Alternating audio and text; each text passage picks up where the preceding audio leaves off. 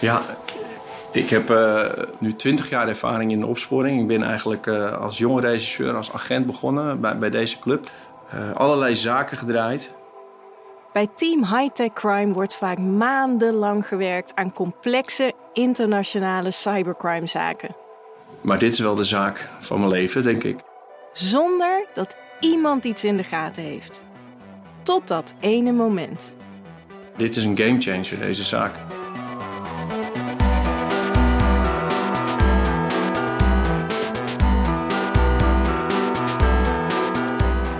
Je luistert naar Takedown, een podcast van Team Hightech Crime van de Nederlandse politie. En mijn naam is Vivianne Bendermacher. Ik ben techjournalist en neem je in deze podcast mee achter de schermen van Team Hightech Crime. Team Hightech Crime houdt zich bezig met complexe cybercrimezaken in binnen- en buitenland. Het doel? Nederland veiliger en minder aantrekkelijk maken voor cybercriminelen. In elke aflevering richten we ons op één zaak. En deze keer is dat een zaak waarbij het draait om het oprollen van een groot cryptocommunicatienetwerk van criminelen.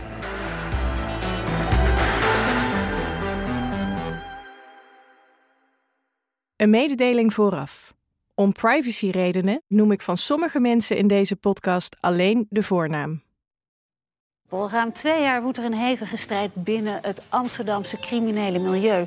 En dat leidde tot een hele reeks van liquidaties en pogingen naartoe. 2015 was opnieuw een jaar vol liquidaties. De teller voor dit jaar staat op 18. Het is 2015 en de politie is bezig met een groots onderzoek naar een golf van liquidaties in het criminele circuit. Wat bij alle zaken opvalt, is dat de BlackBerry steeds weer een rol lijkt te spelen. Dit type telefoon blijkt zeer geliefd onder criminelen. En dat is niet voor niets. Bij vrijwel iedere inval komt de politie ze tegen. Aangepaste telefoons, blackberries, waar versleutelde informatie mee kan worden doorgegeven. Ook vanmorgen vroeg. Er waren uh, collega's uh, bij de Amsterdamse recherche die hadden enorm veel last van, uh, van de gecrypte telefoons, met name Enetcom-telefoons, die ze keer op keer vonden bij liquidaties, maar ook bij aanhouding van zware criminelen. En die konden ze niet kraken. En die zijn eigenlijk uh, gaan kijken van waar kunnen we dat probleem tackelen. Dit is Jeroen, oud teamleider en tactisch rechercheur bij Team Hightech Crime. Dat houdt in dat hij betrokken was bij het opsporen van zware criminelen. Deze keer heeft de Amsterdamse recherche hulp nodig. Met het kraken van die Blackberries dus. Maar dat niet alleen. Dan was het niet een telefoon waar je makkelijk gewoon even mee kon bellen. Er zat een apart simkaartje in en uh, de telefoons aan de stekker leverden niks op. Dan kwam je op dat platform, dat was gecrypt en daar kwam je niet bij. En dat platform heet Ennetcom. Iets waar al die telefoons gebruik van maken. En dat is wel een probleem. Dat was een groot probleem, ja. Ik geloofde niet dat er nou zoveel uh, nette burgers zo'n dure telefoon zouden gebruiken. Maar, Want um, duur? Hoe duur hebben we het over? Het zijn uh, geen bedragen die je wil praten om te kunnen appen met elkaar. Nee. De telefoons kosten 1500 euro en een abonnement 600 euro per half jaar. En in ruil daarvoor krijg je dus een versleutelde telefoon waarmee je versleutelde berichten kunt versturen. En het is duidelijk dat Ennetcom zich heel specifiek richt op de zware georganiseerde criminaliteit. En het was wel goed in uh, zichzelf profileren. Dankzij uh, flyers in coffeeshops. Dat deden ze op een crime site. Een site waar voor en door criminelen het nieuws wordt bijgehouden over wat de politie en wat internationaal gebeurt. Ehm, ze deden dat door um, lezingen te organiseren waar allerlei loesje figuren op afkwamen. Daar zijn we nog wel eens gaan kijken met een observatieteam. En dan zag je ook echt ja, de onderwereldfiguren verschijnen. Um, dus dat was een van onze strategieën. Was van hoe gaan jullie nou die telefoon in de markt brengen? En waar, waar breng je die telefoon? Uh, dat was niet uh, via de, de, normale sieren of uh, de normale maandbladen die we allemaal lezen. Dat was echt gericht op, op fora en plekken waar criminelen zich verzamelden. Nu is het verkopen van versleutelde telefoons op zich niet strafbaar. En dus kan het team Hightech Crime ook niet zomaar een onderzoek starten of tabs plaatsen. Maar het faciliteren van criminaliteit is wel strafbaar. Er moet aangetoond kunnen worden dat Ennetcom heel bewust PGP-telefoons verkoopt aan criminelen die daarmee versleutelde berichten kunnen verzenden en ontvangen. Nou, een van de manieren waarop je dat kan aantonen is door met mensen van de politie die zich voordoen als crimineel naar zo'n winkel te gaan waar je die telefoons kan kopen. En daar die telefoon aan te kopen. En daar een verhaal hè, van, nou dankjewel, wat kan ik hiermee en welke dienst bieden jullie allemaal? En dan krijg je een verhaal. En dat verhaal uh, dat had altijd met zich mee van, nou je, bent veilig, uh, het is uh, niet te kraken, het is super veilig. En als er een probleem ontstaat, kunnen we er ook voor zorgen dat de data op die telefoon weggaat. Dus dan had je eigenlijk op voorhand al heel snel, had je dus al richting die verdenking die je had, had je al een, een proces verbaal van die, van die specifieke collega's die dat, dat soort werk doen, in je verdenking op kunnen nemen. Het onderzoek naar Enetcom gaat van start, want er is meer dat deze communicatiedienst verdacht maakt. De politie treft deze telefoons namelijk steeds vaker aan in een verdachte context. Bovendien worden alle berichten na 48 uur van de Enetcom-servers verwijderd. Als je een, een, bedrijf die niet zoveel te verliezen hebben, dan heb je gewoon je infrastructuur bij een netbedrijf staan. Dan kun je heel snel gewoon kijken van waar, waar staat dat allemaal, die hardware. In dit geval was het volledig niet te vinden. Heel goed verstopt in, uh, in de wereld. Dat is een van onze uitdagingen. Ik ben wel altijd naïef, hè? het lukt altijd. Heel positief ingesteld, dat is de manier waarop ik altijd in elk onderzoek sta. Dat, dat betaalt zich altijd uit. Maar uh, de, de, digitale jongens en meisjes, die uh, zeiden... Ja, Jeroen, je moet, je moet even uitgaan van scenario's. Het gouden scenario is dat we de service vinden... en dat we daar dan ook de data kunnen ontsluiten. Maar dat is echt vrij uh, kansloos. Dan heb je het zilveren scenario dat we de servers vinden, maar dat we de data niet kunnen ontsluiten. En het bronzen scenario is dat we de lijn naar de servers kunnen doorknippen en dat het platform offline gaat. Dat lukt ons altijd. Nou, we gaan voor goud natuurlijk. Het is echt een wereldwijd gebruikt platform. Ze hadden echt een faciliterende rol in geweld. Die telefoons die, die werden aangetroffen op neergeschoten uh, criminelen, overleden criminelen, liquidaties. Nou, dan bleek het later zo te zijn dat die telefoon vermoedelijk als baken gebruikt zou kunnen zijn. Uh, waardoor iemand precies weet op welk moment iemand waar is. En, of, en het komt daar nou wel of niet een rol mee in zou hebben. Dat kan je pas aantonen als je die data hebt. Dus je moest als team ook nog eens gaan zoeken naar waar, waar slaan ze de boel op. Ja, ja, we hebben eigenlijk, als je kijkt naar het team High Crime... Al vrij snel in het onderzoek hebben de rechercheurs een meevalletje.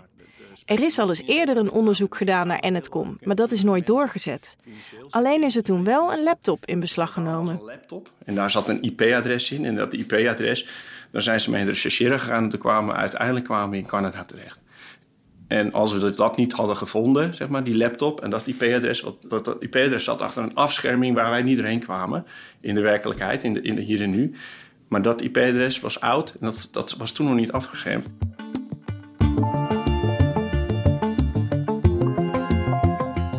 Ja, en toen zijn we in, Canada terechtgekomen. Toen vonden we eigenlijk ja, de, de jackpot daar, die, die service van, van Enetcom. Maar wacht even, Canada? Hoezo Canada? Criminaliteit wordt steeds internationaler. Uh, maar ook dit soort aanbieders, om het de politie moeilijker te maken, zorgen ze ervoor dat de infrastructuur waar hun klanten gebruik van maken, niet in dezelfde jurisdictie staat als het bedrijf zelf. En dat zie je bij Enetcom, uh, en dat zie je eigenlijk bij alle andere crypto-aanbieders ook. Martijn is landelijk officier cybercrime als het onderzoek naar Enetcom loopt. Het team Hightech Crime heeft dus de servers gelokaliseerd, maar daarmee zijn ze er nog niet. Wat er precies op de server staat en wat voor soort berichten gebruikers versturen, daar hebben ze nog geen idee van. En dan is er ook nog eens de uitdaging dat de servers in Canada staan. Om verder onderzoek te kunnen doen, moet alles eerst naar Nederland worden gehaald. Dan moeten we rechtshulp doen. En bij rechtshulp komt altijd de vraag: je doet onderzoek in Nederland naar bepaalde strafbare feiten. Um, zijn diezelfde strafbare feiten ook wel strafbaar in het andere land waaraan je iets vraagt? Want dubbele strafbaarheid is een vereiste. Dus ja, het wordt wel degelijk ingewikkelder. In het rechtshulpverzoek hebben we aan de Canadezen geschetst wat er gebeurde met dit soort telefoons en waarom wij nou die informatie die in Canada werd gehost, de e-mails van de klanten en die hele infrastructuur graag wilden veiligstellen. We hebben dus nog geen idee wat er in die berichten staat, die ergens op die servers uh, te vinden zijn. Ja, en toen hebben we tegen de Canadese rechter gezegd: wij willen de informatie um, van die servers in zijn geheel gekopieerd hebben om te bewijzen dat uh, Enetcom crimineel geld aanneemt, moeten we wel kunnen bewijzen dat de klanten criminelen zijn. En dat willen we doen door in die e-mails te lezen dat ze het hebben over moord, over drugs, over andere zaken. Uh, dat hebben we tegen de Canadese rechter uh, meegegeven.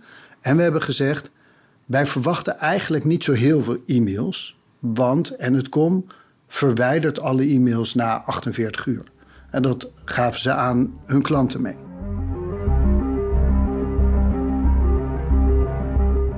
En hoe was dit voor jullie? Het was de eerste keer dat jullie zo'n facilitator op deze manier gingen aanpakken. Dat klopt, ja. Op de dag, 19 april 2016, op de dag dat we uh, de uitvoering zouden doen in Canada, was dezelfde dag dat we ook in Nederland allemaal zoekingen zouden doen, arrestaties zouden doen. Dat is ook gebeurd. En dat betekende dat terwijl men in het kantoor in Nijmegen stond, um, uiteindelijk er gecommuniceerd werd met Canada van nou ja, ga nu maar naar binnen. En toen is er een, eh, in afstemming met het Openbaar Ministerie een bericht geschreven en is ook verzonden aan alle gebruikers van alle Enetcom-telefoons. En daar staat dan in dat wij zijn van de politie en het Openbaar Ministerie. Wij hebben dit crypto-platform gevonden en wij gaan het downbrengen. Bent u een uh, legitieme, niet-criminele gebruiker en heeft u dit uh, doeleinden anders dan criminaliteit, dan kunt u zich melden op dit nummer. En dan willen we graag met u in gesprek gaan. Dan zullen we ervoor zorgen dat uw data niet gebruikt wordt we zaten eigenlijk te wachten van nou, nu gaan die mensen zich bij ons melden om te vertellen, in mijn data moet je vanaf blijven. Want ik ben gewoon iemand die keurig netjes zonder uh, rare intenties dit platform gebruikt. Nou, we hebben precies nul reacties gehad. Het echte moment dat dat ging gebeuren, zaten we hier met een, een hele club bij elkaar. De actie zou worden ingezet, de aanhouding en doorzoeking van de eigenaren en directeuren van Enetcom. en daar gingen uiteindelijk letterlijk de stekkers eruit. Ja, dat was een super spannende actiedag natuurlijk. Met alles erop en eraan. Arrestatieteams, invallen in Nederland, huiszoekingen. En uh, in Canada uiteindelijk, ja, poeh, dan ging die op zwart. En dan nog daarna een persconferentie waar uh, het verhaal naar buiten kwam. En dat is echt wel een uh, sensationeel verhaal. Dat is in de hele wereld opgepakt. Want Enetcom is echt mega internationaal. Wat voor type was dit? Was het iemand van wie je het zou kunnen verwachten? Of was het een uh, keurige meneer in een net pak? Iets daartussenin, ja. Een man met een netwerk wat helemaal aansloot bij dat wat hij bood.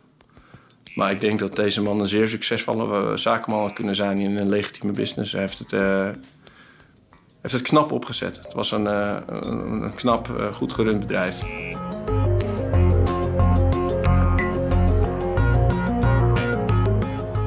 Team Hightech Crime heeft dus nu de servers in handen. Servers die waarschijnlijk vol staan met berichten van criminelen en dus allerlei cruciale informatie bevatten. Alleen, alle informatie op de servers is versleuteld en daarmee onleesbaar. Althans, zo lijkt het. Want wanneer de cyberrechercheurs zich door de berg data ploegen, ontdekken ze al vrij snel dat de beheerders van Enetcom een cruciale fout hebben gemaakt. Op een van die plekken stond gewoon een, database met, met al die interne sleutels.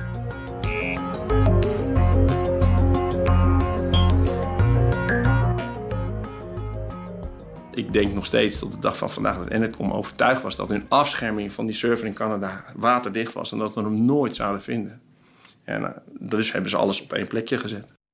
Geen brons, geen zilver, maar het gouden scenario lijkt daarmee uit te komen. De politie heeft niet alleen de servers in bezit, maar ook toegang tot alle informatie die erop staat. Ja, uiteindelijk komt er iets anders naar boven. Ja, dat er veel meer uiteindelijk bewaard is gebleven uh, dan de bedoeling was. Oeps. Ja.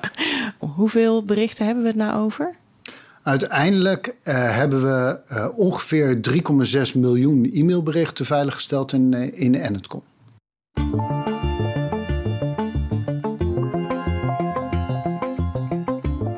Een van de belangrijkste verdachten in het onderzoek is de directeur van Enetcom. Hij wordt ervan verdacht op grote schaal geld te hebben witgewassen. Op het moment dat jij geld aanneemt waarvan jij weet of kan vermoeden dat het van criminaliteit afkomstig is, dan ben je aan het witwassen. Maar om tot een zaak te komen is er bewijsmateriaal nodig. En dat bewijs ligt waarschijnlijk verscholen in die 3,6 miljoen berichten. De grote vraag is alleen: hoe vind je relevante berichten die als bewijs kunnen dienen? Je gaat gebruik maken van momenten waarop je weet dat er bijvoorbeeld doden zijn gevallen. Is er nou in dat moment, in dat tijdsbestek, zijn daar nou relevante e-mails over te vinden? Ehm, of als wij een drugstransport hebben onderschept. En inderdaad, met zoekwoorden gerelateerd aan criminaliteit, denk aan container, uh, pap, wat staat voor papier en wat meestal bij witwassen wordt gebruikt. Op die manier zijn er zoekwoorden gebruikt om verder te komen. Mijn naam is Sofia en ik hou me met name bezig met de benutting van uh, cryptocommunicatiedata. Met de expertise van een PGP-analyseteam en het team Hightech Crime wordt een systeem ontwikkeld dat als doel heeft om te laten zien dat Enetcom verband houdt met zware criminaliteit. Dan wordt er natuurlijk een heel dossier opgemaakt. Um, waarin je eigenlijk gaat opschrijven waarom je die verdenking die je in het begin had, dat deze man zich dus uh, schuldig maakt aan witwassen door het faciliteren van criminelen, ga je opschrijven dat hij zich inderdaad daaraan schuldig maakte. Want kijk maar, allemaal criminele berichten die uit die toestellen komen. En het financiële onderzoek wat daar natuurlijk bij hoort, dat hij daar inderdaad beter van geworden is. En het feit dat hij dat willens en wetens deed. Dat hij dus die kennis had van aan wie hij die toestellen verkocht. Maar tijdens het lezen van de berichten stuiten ze op allerlei informatie die verwijst naar strafbare feiten, zoals moord. Alleen het probleem is, als wij lezen over een specifieke moord en daar hebben we gewoon bewijs voor zitten in die berichten, dan kunnen wij als politie en OM eigenlijk niet zeggen, nou ja, laat maar zitten. Sluit je ogen maar, dat was de vraag niet. Nee. Dat gaat niet. Maar het voelt bijna alsof die zaken een soort bijvangst waren voor het aantonen, dit is, deze facilitator moeten we wat mee. Klopt dat? Dat ligt genuanceerd. Het gaat ons in die zaken om de bedrijven en de directeuren. Maar we zouden natuurlijk gek zijn als politie en justitie, als jij daadwerkelijk bewijs ziet van moordaanslagen, dat je zegt: ja, maar daar doe ik niks mee. Dus natuurlijk, op het moment dat wij verzoeken doen aan andere landen om bewijsmiddelen veilig te stellen, weten wij ook wel dat als er relevant bewijs uitkomt, dat we daar graag gebruik van maken. Uh, dat hebben we in ons achterhoofd en daar bereiden we ons op voor.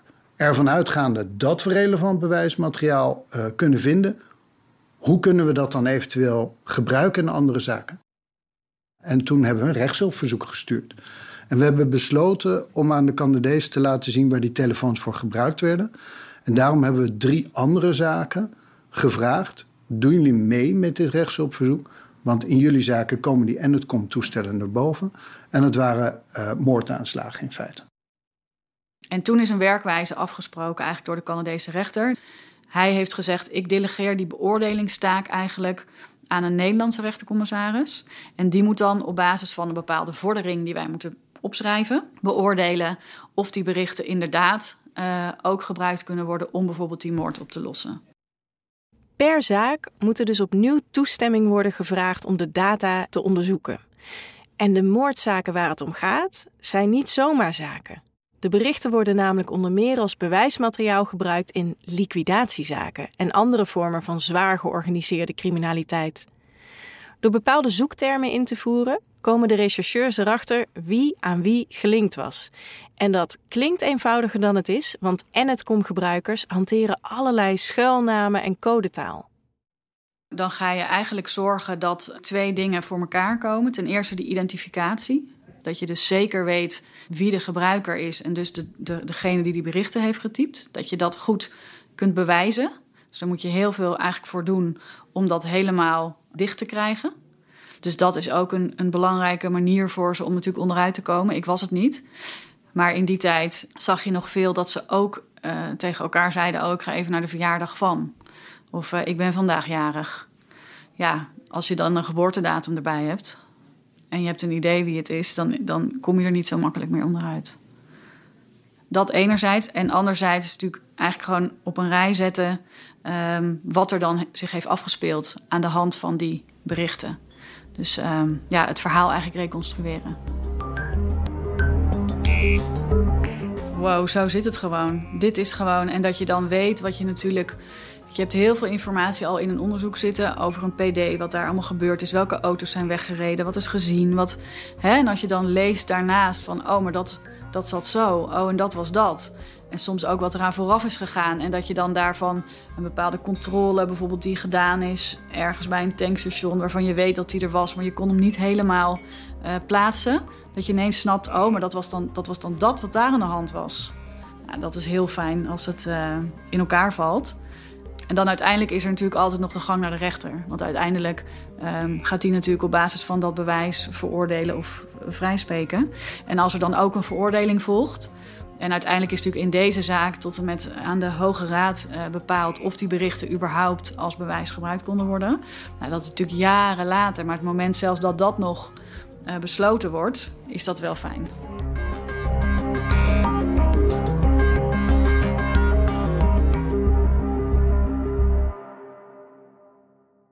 Kun je samenvatten hoe deze zaak nou uiteindelijk is afgelopen?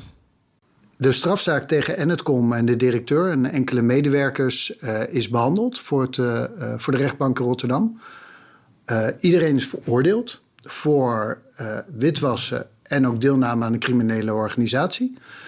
daarvan zijn er drie in hoger beroep, dus de zaak is niet onherroepelijk. De directeur, bedrijven, een van de medewerkers zijn het er niet mee eens. Um, dus in appel zal nog uh, gekeken worden wat het gerechtshof daarvan vindt. Um, en één medewerker heeft geen appel ingesteld, dus die is onherroepelijk veroordeeld. Maar het onderzoek naar Enetcom heeft natuurlijk veel meer opgeleverd dan alleen deze veroordelingen. In de miljoenen berichten zitten tal van verwijzingen naar allerlei andere zaken, zoals liquidaties. Daarbij heeft het team Hightech Crime een ongekend inkijkje gekregen in hoe de criminele wereld functioneert. Als je kijkt naar het team Hightech Crime, dat, dat, dat is een team, dat is een prachtig samengesteld team waar, waar de, specialisten in zitten, met name digitale, heel uh, kundige mensen. Financieel zit erin, specialisten. En daarnaast tactische mensen, echt rechercheurs. En dan, dat het dan lukt en dat je dan uiteindelijk ook nog kan zeggen ja, je gelooft het niet, maar we kunnen, we kunnen ook daadwerkelijk zien wat al die criminelen met elkaar communiceren. Dat, is het, is enorm. Denk jij nu anders over de criminaliteit sinds je in die berichten hebt kunnen kijken? Ja. Ehm, ik heb het gevoel dat we meer aan de voorkant staan. En ik weet dat criminaliteit, ehm, zoals we dat nu in beeld hebben gebracht, veel groter en veel heftiger is dan dat ik dacht voor, uh, voor deze zaak. Die waren goed afgeschermd, die waren moeilijk te pakken, die wisten hun procedures af te stemmen op contra, uh, dus dat ze ons niet uh, achter hun staart aan kregen. En nu opeens zag je precies hoe ze dat doen. Dus los van het hebben van data weet je ook hoe hun processen werken. Dus waar je barrières kan leggen. Dus als politie denk ik dat we enerzijds echt gewonnen hebben en anderzijds um, het, is, het is zo groot, het is zo veelomvattend dat uh, dat is ook wel ik ben niet gauw moedeloos, hè, maar uh, ik, ik heb wel een baan voor de rest van mijn leven. Het is uh, veel werk. Ben je iets van je naïviteit verloren hierdoor? Ja, dat. Dat wel. Ja, en dan denk ik niet dat, dat, uh, dat we heel naïef waren, maar ik denk dat, dat elke rechercheur met, met jaren ervaring die dit, die dit zag, er stil van was. De manier en het gemak waarop, en dan hebben we het over levensdelicten hoe snel je dat op kan zetten, internationale transporten en welke systemen daarvoor allemaal gecorrumpeerd zijn. Ja. Het was zo ongefilterd. Wij kijken toch altijd vanuit een opsporingsonderzoek een beetje van een afstandje. En een gemiddelde crimineel houdt er rekening mee dat hij wordt afgeluisterd. Dus als hij in een auto zit of zijn telefoon gebruikt, dan verpraat hij best wel verbloemd. En dit was niet verbloemd. Dit was gewoon klip en klaar wat er moest gebeuren, hoeveel bloed ze het liefste wilden zien. Ja, dat hebben, hadden we niet uh, uh, zo voorzien. Nee. Wat heb jij ervan geleerd? Um, ja, dat je dus dat dus in Nederland, als je kijkt naar uh, het buitenland, Colombia, ergens series, weet ik veel, hè, dat we daar als Nederland niet ver vanaf staan. Dat is hier gewoon ook aan de hand.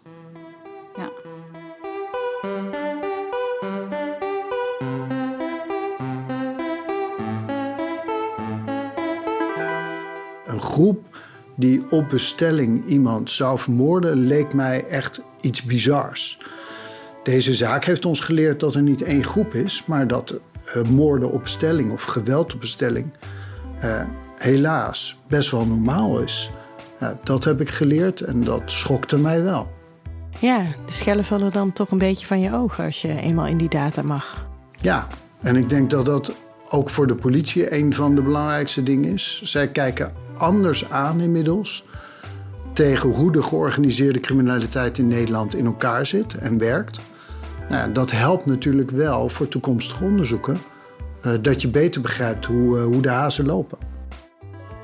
Dit beeld heeft ons geholpen en we zitten nu op een hele andere manier in de opsporing. We kunnen nu veel beter kiezen. En opsporing is nu ook kiezen geworden. Welke uh, samenwerkingsverbanden zijn het meest ondermijnend, het meest gewelddadig, het meest in, in, in capaciteit schadelijk voor Europa, voor de wereld. En die ga je eerst pakken.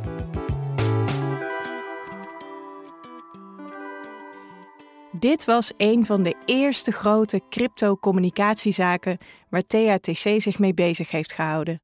En omdat data een belangrijke rol speelt bij de opsporing, is er inmiddels een gespecialiseerd team opgericht naast THTC. Ondertussen is Enetcom een zaak die Jeroen niet snel zal vergeten.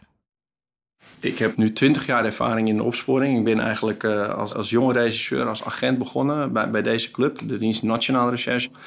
Uh, allerlei zaken gedraaid. Maar dit is wel de zaak van mijn leven, denk ik. Dit is een gamechanger. Wat is je boodschap voor criminelen? Nou, voor degenen die in Enetcom zitten, eh, als we je nog niet hebben opgehaald, dan komen we nog.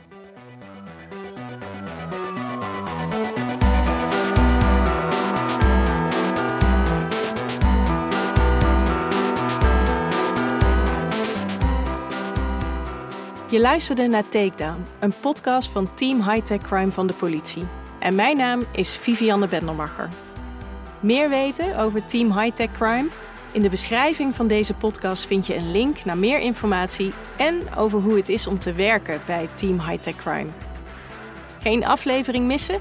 Abonneer je dan op Takedown in de NRC Audio app of waar je dan ook naar deze podcast luistert.